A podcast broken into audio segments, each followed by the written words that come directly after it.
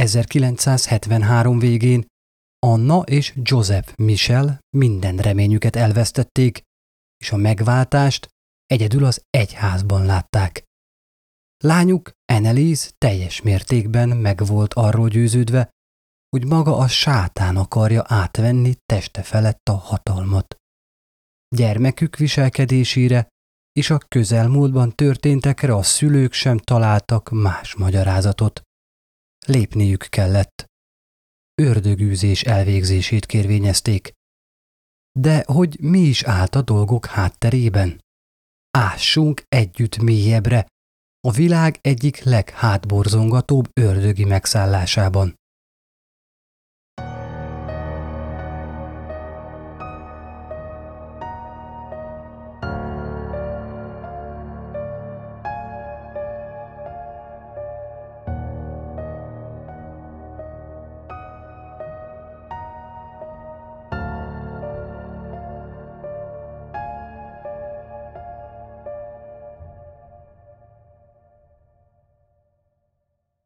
Sziasztok! Szatmári Péter vagyok, és ez itt a Bűntények Podcast mellékága, az Odaát Podcast. Ebben a műsorban olyan ügyek után eredünk, amik sokszor a paranormális válaszokat elutasítva nehezen megmagyarázhatóak. Vágjunk is bele! A régi kor embere még sok dolgot nem ismert, nem tapasztalt, ami a mai kor emberének már teljesen természetes és mindennapi. Tudjuk, hogyan gyújthatunk tüzet, vagy hogy mi okozhat természetes gyulladást, nagy Isten erdőtüzet. Az ezekhez hasonló dolgokba ma már nem látunk bele természetfeletti vagy isteni erőket. Viszont már akkor is igyekeztünk magyarázatot találni a körülöttünk zajló történésekre, amikor még nem voltunk ennyire felvilágosultak a fizika és a kémia törvényeivel kapcsolatban. Amikor ez nem sikerült, természetfeletti vagy túlvilági erőknek tulajdonítottuk a megmagyarázhatatlant. Azokban az időkben még nem jól ismerték a pszichés betegségeket, mint például az epilepsziát. Könnyen hihették az emberek, hogy egy ilyen betegség tüneteit mutató személy démoni megszállás áldozata. Persze nem állítom, hogy minden egyes ördögűzésre kárhoztatott személy viselkedésének hátterében valamilyen efféle betegség állhatott. Hiszen hiába fedeztünk már fel rengeteg mindent az univerzumban. Millió olyan dolog van, amiről még fogalmunk sincs. Viszont sok esetben bizonyított tény, hogy olyan szerencsétlen beteg embereknek is azt a diagnózist állították fel, hogy megszállta egy gonosz démon, akiknek csupán olyan orvosi kezelésre lett volna szüksége, amit az akkori korembere még nem ismert. Titokban viszont még ma is végeznek ördögűzést az arra kiválasztott, kiképzett papok. Talán nem véletlenül. Annelise Michel 1952 Szeptember 21-én született a kevés lelket számláló bajorországi falucskában, Liebflingben. A családja hithű katolikus volt. Úgy tekintettek a Bibliára, mint egy mindenkori kötelező olvasmányra, ami tanításai szerint kell az életüket élni. Ebből kifolyólag Annelies is szigorú katolikus nevelésben részesült. Bár akkoriban ez az életvitel nem volt túl népszerű, a család mégis büszkén felvállalta különcnek számító életüket. Liebfling egy szürke, poros kisváros volt, ahová sokkal lassabban értek el az újítások és a technika új vívmányai. Az ott lakók látszólag elmaradottak voltak a nagyobb városokhoz képest. Személy szerint az ilyen települést én inkább a megtestesült nyugalom szigetéhez tudom kapcsolni – hiszen nincs jelen a város zaja, a zsúfoltság és a természet is közel van. Ám a Liebflingiek inkább úgy érezték, sosem történik ott semmi, és az életük monoton körforgásban zajlik. Eneliz gyermekévei nyugalomban teltek. Nagyon magáinak érezte vallásos életüket, ezért nem okozott neki nehézséget a Biblia lapjainak forgatása. Gyakran elmélyedt a teológiai tanokban, illetve templomba is sűrűn járt családjával, szüleivel és lánytestvéreivel, név szerint Gertruddal, Barbarával és Rozevitával. A lányoknak volt még egy Márta nevű nővérük is, de ő sajnos egy operáció következtében fellépett komplikáció során életét vesztette. Annelies nőtt, cseperedett és elérkeztek tinédzser évei. Mint tudjuk jól, milyen egy kamasz gondolkodása. Feszegeti a határait, ki akar törni a megszokott mókuskerékből, és ha tud, lázad. Nem történt ez másképp a lány esetében sem. Úgy érezte, kinőtte a kistvárost. Unalmasnak tartotta, és gyakorta csak egy sáros pocsolyához hasonlította. Kalandra vágyott, hogy próbálgassa szárnyait, és naphosszat azon terveiről beszélt családjának, hogy hamarosan elhagyja szülőfaluját, és szerencsét próbál valahol másutt. Hozzá kell tenni, soha nem érdekelték őt a nagyvilági élvezetek, mint például a pénz vagy a drog. Ő csupán a világot szerette volna látni. Nyilvánvalóan ebben nincs semmi természetfeletti. Fiatal felnőttként teljesen normális, ha azt gondoljuk, miénk a világ, és ideje azt meghódítani. Sajnos azonban ezekre a kalandokra sosem kerülhetett sor. 1968-ban az akkor 16 éves Annelies Michel élete gyökeresen megváltozott.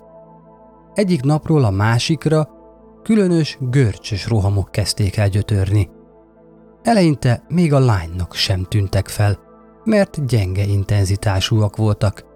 Ám ahogy telt múlt az idő, az epizódok egyre agresszívabbá, erősebbé kezdtek válni. A rohamok alatt úgy érezte, mintha nem lenne ura a saját testének, mintha valami természet feletti, megmagyarázhatatlan erő irányítaná. Mivel sem szülei, sem lány testvérei nem tudtak rajta segíteni, a szegény lányt elvitték egy neurológushoz Würzburgba. Az orvos Grand Mal epilepsziát állapított meg a fiatal lánynál. Ez az epilepsia legsúlyosabb fajtája, mely következtében a rohamok gyakran végződnek ájulással, a záróizmok elernyedésével, a nyelv elharapásával. Enelist bent is tartották a neurológiai klinikán, és súlyos egészségügyi állapota miatt el kellett hagynia a gimnáziumi tanulmányait is. A lány klinikán történt első epilepsziás rohamát már az orvosok tüzetesebben meg tudták vizsgálni. Az elsődleges vizsgálatok során azonban észrevettek egy eléggé furcsa dolgot. Annelies homloklemenye környékén ugyanis nem találtak semmi olyan elváltozást, ami epilepsia esetében, főként ha egy ilyen súlyos alfajáról beszélünk, szinte törvényszerűen jelen kellett volna, hogy legyen. A gyógykezelés alatt egyre bizarabb és ijesztőbb tüneteket kezdett Annelies produkálni. Halucinációk kezdték gyötörni. Mikor imádkozott, démonok hangját hallotta, akik amellett, hogy paráznaságra, gyilkosságra, öngyilkosságra bíztatták, azt ordították a lánynak, hogy a teste a pokolban fog elégni. Elmondása szerint később már nem csak hallotta, de látta is ezeket a szörnyű démoni lényeket. Szentül meg volt győződve róla, hogy maga a sátán kerítette testét hatalmába, és át akarja venni felette az irányítást. Az orvosok, noha azelőtt még nem igazán találkoztak ilyen esettel, a különös új tüneteket a különböző gyógyszerek mellékhatásainak tudták be. Akkoriban ugyanis még gyerekcipőben jártak az idegtudományok, nem ismerték az epilepsia pontos működését, annak hasznos kezeléséről pedig ha lehet még ennél is kevesebbet tudtak. Nem igazán tehettek mást, mint különböző gyógyszerekkel kísérletezni a betegeken. 1970. júniusában kipróbáltak Enelisen egy új módszert. Antieplektikus, azaz rohamoldó szert adtak be neki. A kívánt hatás azonban elmaradt. A kezelés nem hozott eredményt, mondhatni inkább rontott az amúgy sem túl rózsás helyzeten. A lány továbbra is halucinált, ijesztő víziói pedig egyre csak erősödtek. A közvetlen környezetében élők egyre bizarabb dolgokat tapasztaltak. Annelies letépte magáról ruháit, szenet evett, és a saját ürülékét nyalta a padlóról. Ugyanakkor klinika béli szobatársa, ha épp nem volt rohama, Annelies-t egy közvetlen, optimista szemléletű, boldog személynek írta le. Ugyanebben a hónapban egy másik, szintén pszichiátriai hatású gyógyszerrel is kezelték, amivel ismételten csak kudarcot vallottak az orvosok. 1973-tól kezdődően a tünetek mellé betársult a depresszió is. Ez az állapot egyre csak mélyült és mélyült, ha lehet még lejjebb húzva az amúgy is süllyedő hajót. Egészen addig, míg a lány már komolyan az öngyilkosságot fontolgatta, hogy véget vessen szenvedéseinek.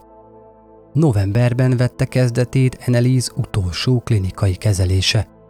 Egy tregetol nevű szerrel, ami nem más, mint egy újabb antieplektikus gyógyszer. Ezt a terméket a lánya halála előtti hónapokig szedte rendszeresen, és persze teljesen feleslegesen és értelmetlenül.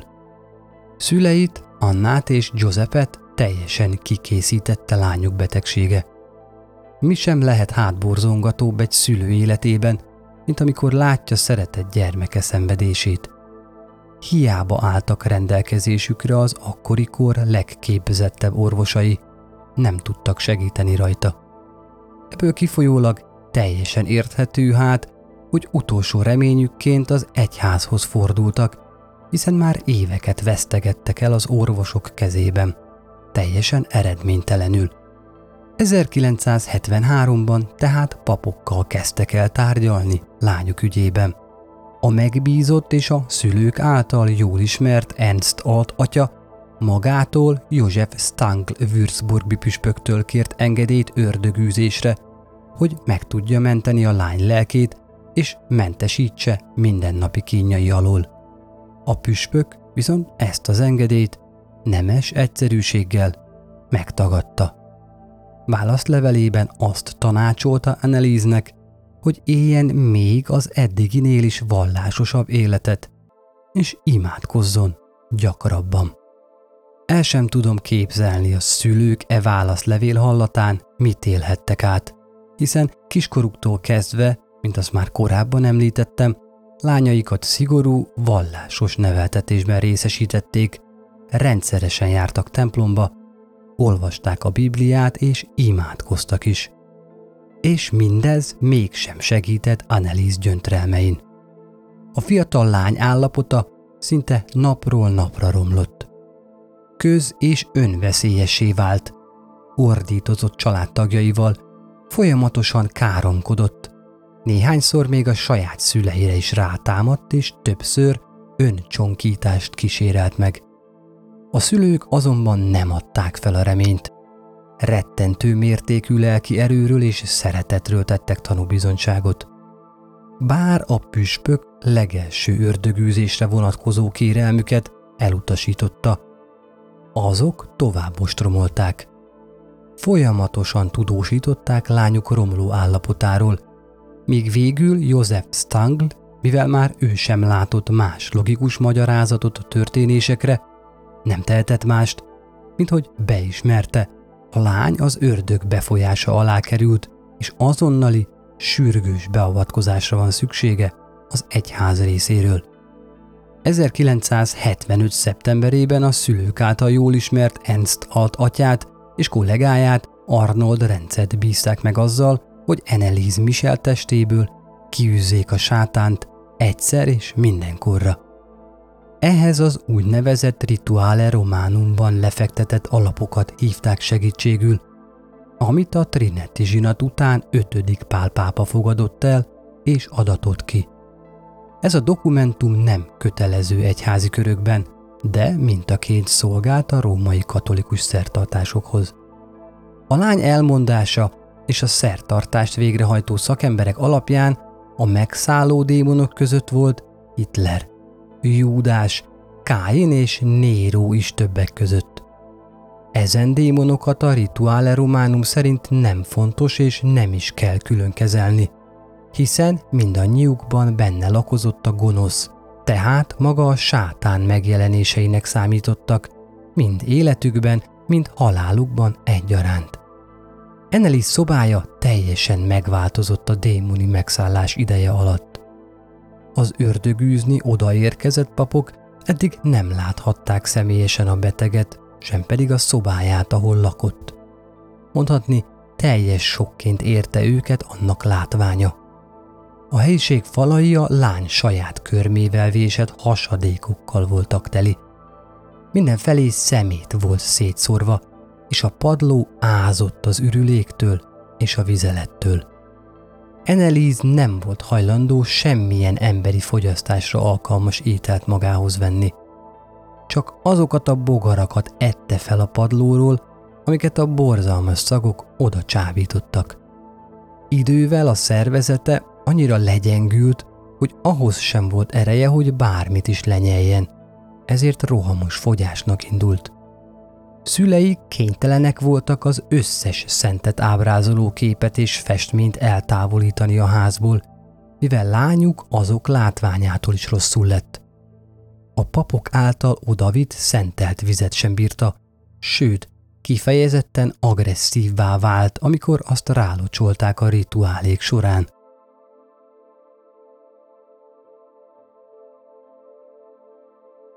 A hitükben erős papok rengeteg ördögűzés hajtottak végre Enelízen, heti egy vagy két alkalommal. Egy alkalom akár három-négy órán keresztül is tarthatott. Ha megkívánta a helyzet, és a két atya úgy ítélte, akkor ezek a szertartások még hosszabbak és gyakoribbak lettek.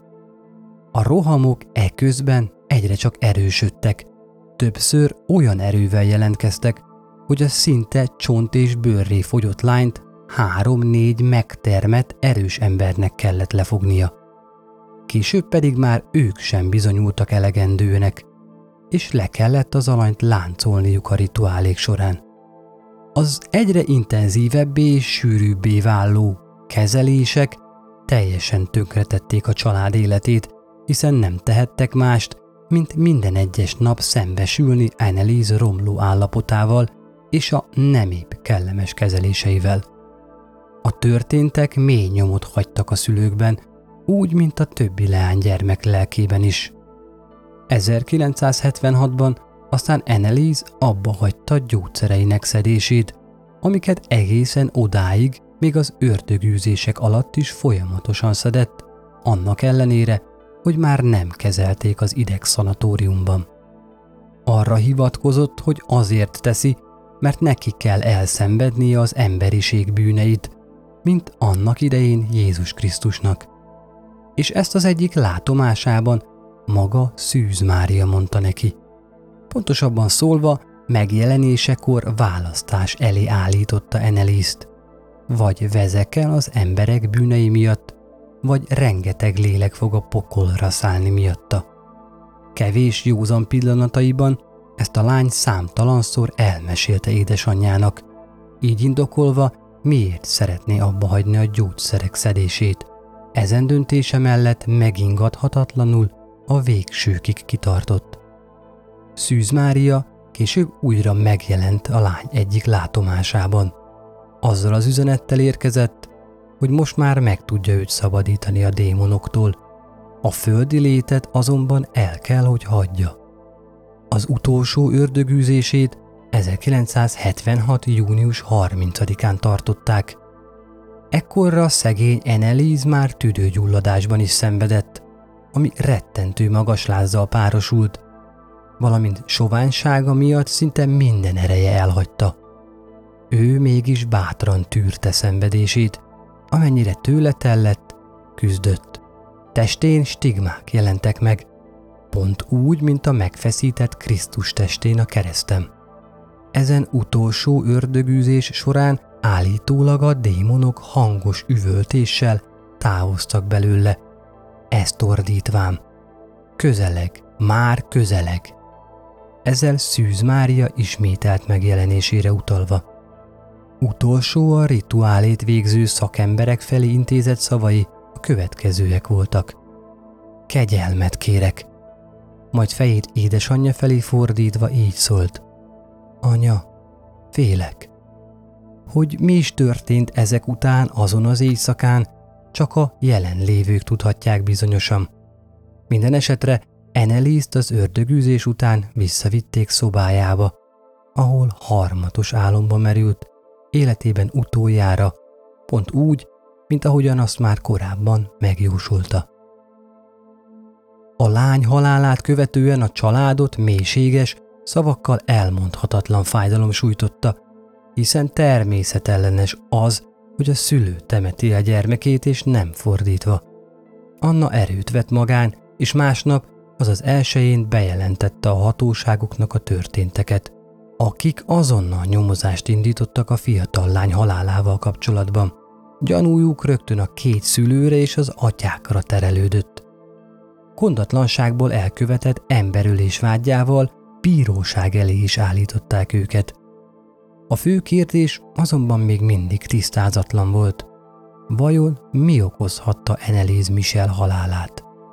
A nyomozók bizonyítékként kezelték azon feltételezésüket, hogy a halál oka nagy valószínűséggel az volt, hogy a lány hosszú ideig se nem evett, se nem ivott. Az esküdszék pedig nemes egyszerűséggel úgy vélekedett, hogy ha szülei lányukat mesterségesen táplálták volna, akkor az nem halt volna meg. Gondolom, könnyű lehet egy olyan lányt mesterségesen táplálni, akivel rohamai közben négy erős, megtermett férfi ember sem bír. A lány egyik testvére a bíróságon elárulta a jelenlévőknek, hogy nővére saját maga tagadta meg a kórházba vonulás lehetőségét, hiszen korábban már kezelték ott elég hosszú ideig, mégis az egyetlen, amit elértek, az az, hogy rontottak a helyzetén. A két atya igyekezett bebizonyítani a lány megszállottságát, hangfelvételeket és videókat mutattak be az eljárás során. Azonban a bírót ez nem hatotta meg különösebben. Az ítélet megszületett. A két pap és a szülők hat hónap felfüggesztett börtönbüntetést kaptak gondatlanság és orvosi segítség elmulasztásának büntettében. A bíróság a döntést azzal indokolta, hogy végül is nem a vallásos kezelés idézte elő Enelis betegségét, viszont súlyosbította azt. Amikor a német püspöki konferencia meghallotta az ítéletet, azonnal kiadott egy közleményt, miszerint Enelis Michel nem volt megszállott, és teljesen elhatárolódnak Ernst és Arnold tettétől. Köszönték szépen, mosták kezüket az ügy kapcsán. Noha nyilvánvalóan az engedélyt az ördögűzésekre tőlük kapta a két atya.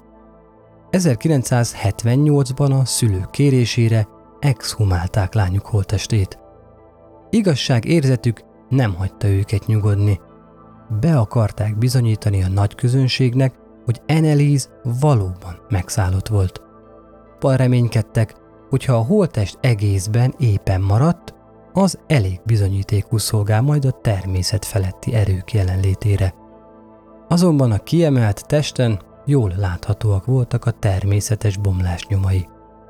Egyes források szerint a szülők azért exhumáltatták a maradványokat, hogy leróhassák végtiszteletüket lányuk irányába, hiszen halálakor gyorsan földelték csak el egy olcsó koporsóban.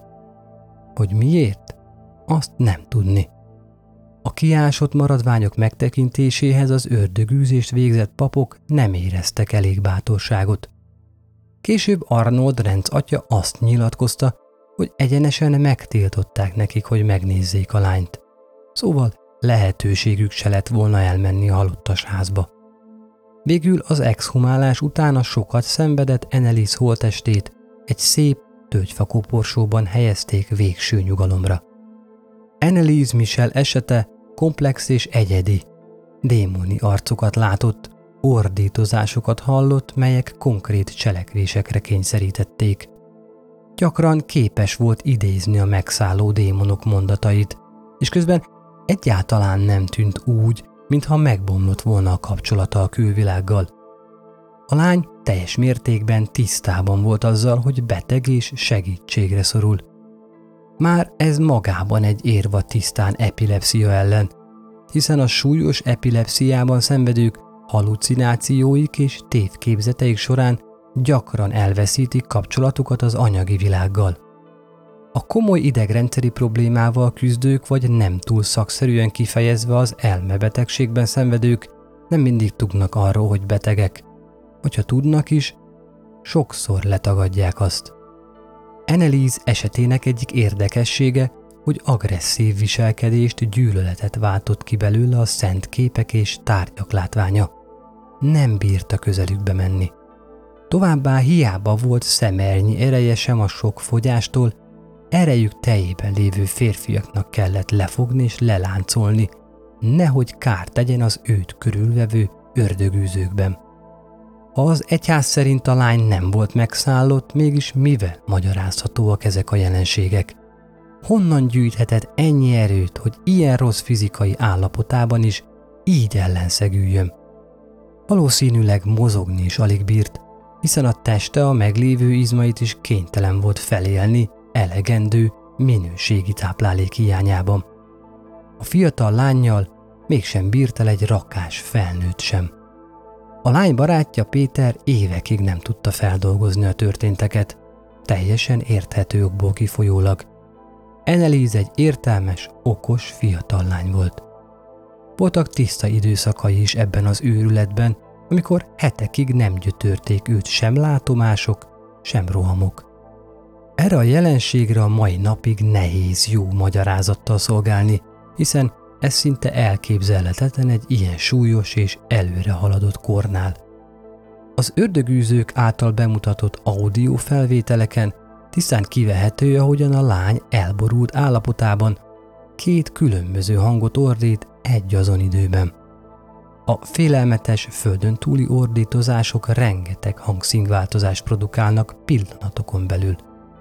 Legtöbbször a saját anyanyelvén beszél, németül, kihallani azonban a felvételekből néhány latin szót is. Eleni szemei volt, hogy feketévé váltak, olyankor a papok elmondása szerint olyan volt, mintha személyesen a sátánnal néztek volna farkas szemet. Nem szabad amellett a tény mellett sem elmennünk, hogy Enelis pontosan tudta, mikor fog meghalni. Szűz Mária egyik megjelenésekor szinte percre pontosan elmondta neki. Sőt, ezt a lány halála reggelén le is írta naplójába. Ha valóban csak fizikai jellegű betegsége lett volna, a gyógyszereknek, amiket felírtak neki, legalább enyhíteniük kellett volna az állapotát, hiszen valószínűleg nem ő volt az első beteg, akinek ezeket a szereket felírták. Nehéz a történtekre magyarázatot találni, és nehéz az ördögi megszállottságot elvetni. De mit is értünk pontosan ördögűzés címszó alatt? Az ördögűzés egy vallási szertartás, amely során egy személyből, tárgyból vagy helyről űzik el az arra hivatott szakemberek a gonosz szellemeket, démonokat vagy magát a sátánt. Régen szinte minden kultúrában létezett ilyen rituálé. A római katolikus egyház azonban még a mai napig is hisz ebben a jelenségben. Papjai manapság is hajtanak végre valódi ördögűzéseket, szigorúan betartott rituálék mentén, melyekhez többek között szentelt vizet, imákat, szent erekéket és kereszteket használnak. Amerikában jelenleg több mint tíz hivatalos ördögűzőt tartanak számon. Hallgassunk meg egy részletet az Eneléz ördögűzése során készült hangfelvételből. Ezt most tényleg csak erős idegzetűeknek ajánlom. Hallgatás közben ne felejtsétek el, hogy egy fiatal lányt hallotok. A hideg rázás garantált.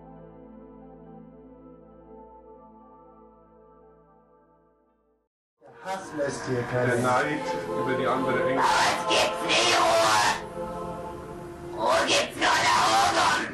Nur, Ruhe gibt's nur dort, wo die Liebe ist. Ja, bei uns gibt's nur ja nun. für Hass. Und wo der Hass ist, da gibt's keine Ruhe. Nein. Und für uns gibt's nie Ruhe. Nie. Weil, Ewigkeit. weil er nicht dorthin kommt, wo der Schöpfer ist. Aber für uns gibt's kein Zurück.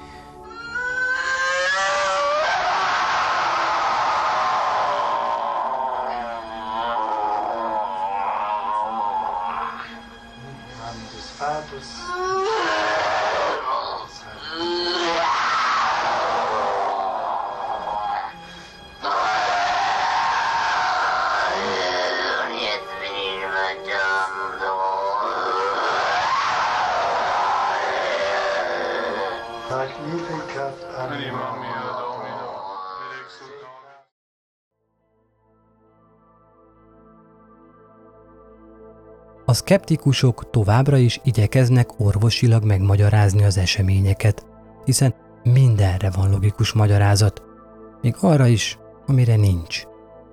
A neurológiai központban felállított korkép szerint Annelies igazán súlyos Grand Mal epilepsziája mellett a különböző gyógyszeres kezelések következtében tudathasadás és halucináció is fellépett, amihez teljesen érthető módon depresszió is társult. Hiába tettek meg az orvosok és nem utolsó sorban szülei is napról napra mindent azért, hogy a lány felépüljön és jobban legyen, semmi sem segített.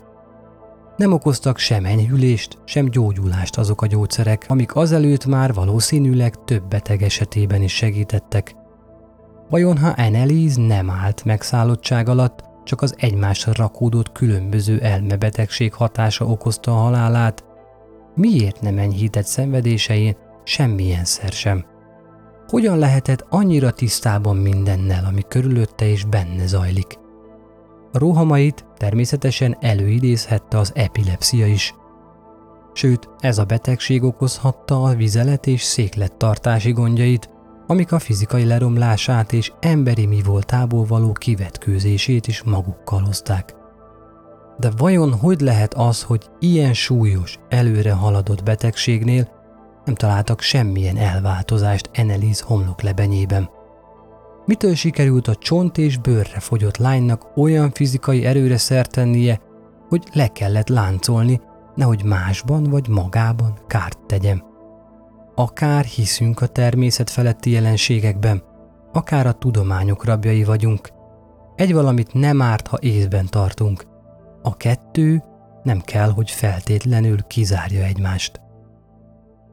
A történethez tartozó képanyagot megtaláljátok az Odaát Podcast vagy a Büntények Podcast közösségi média oldalai.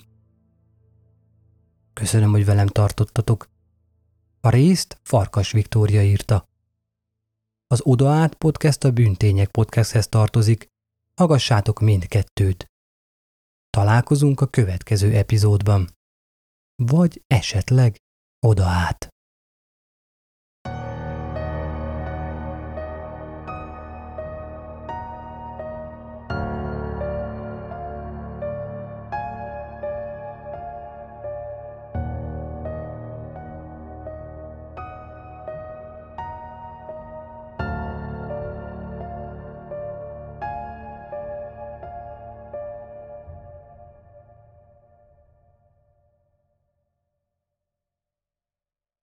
Ha más podcastekre is kíváncsi vagy, hallgassd meg a Béton műsor ajánlóját.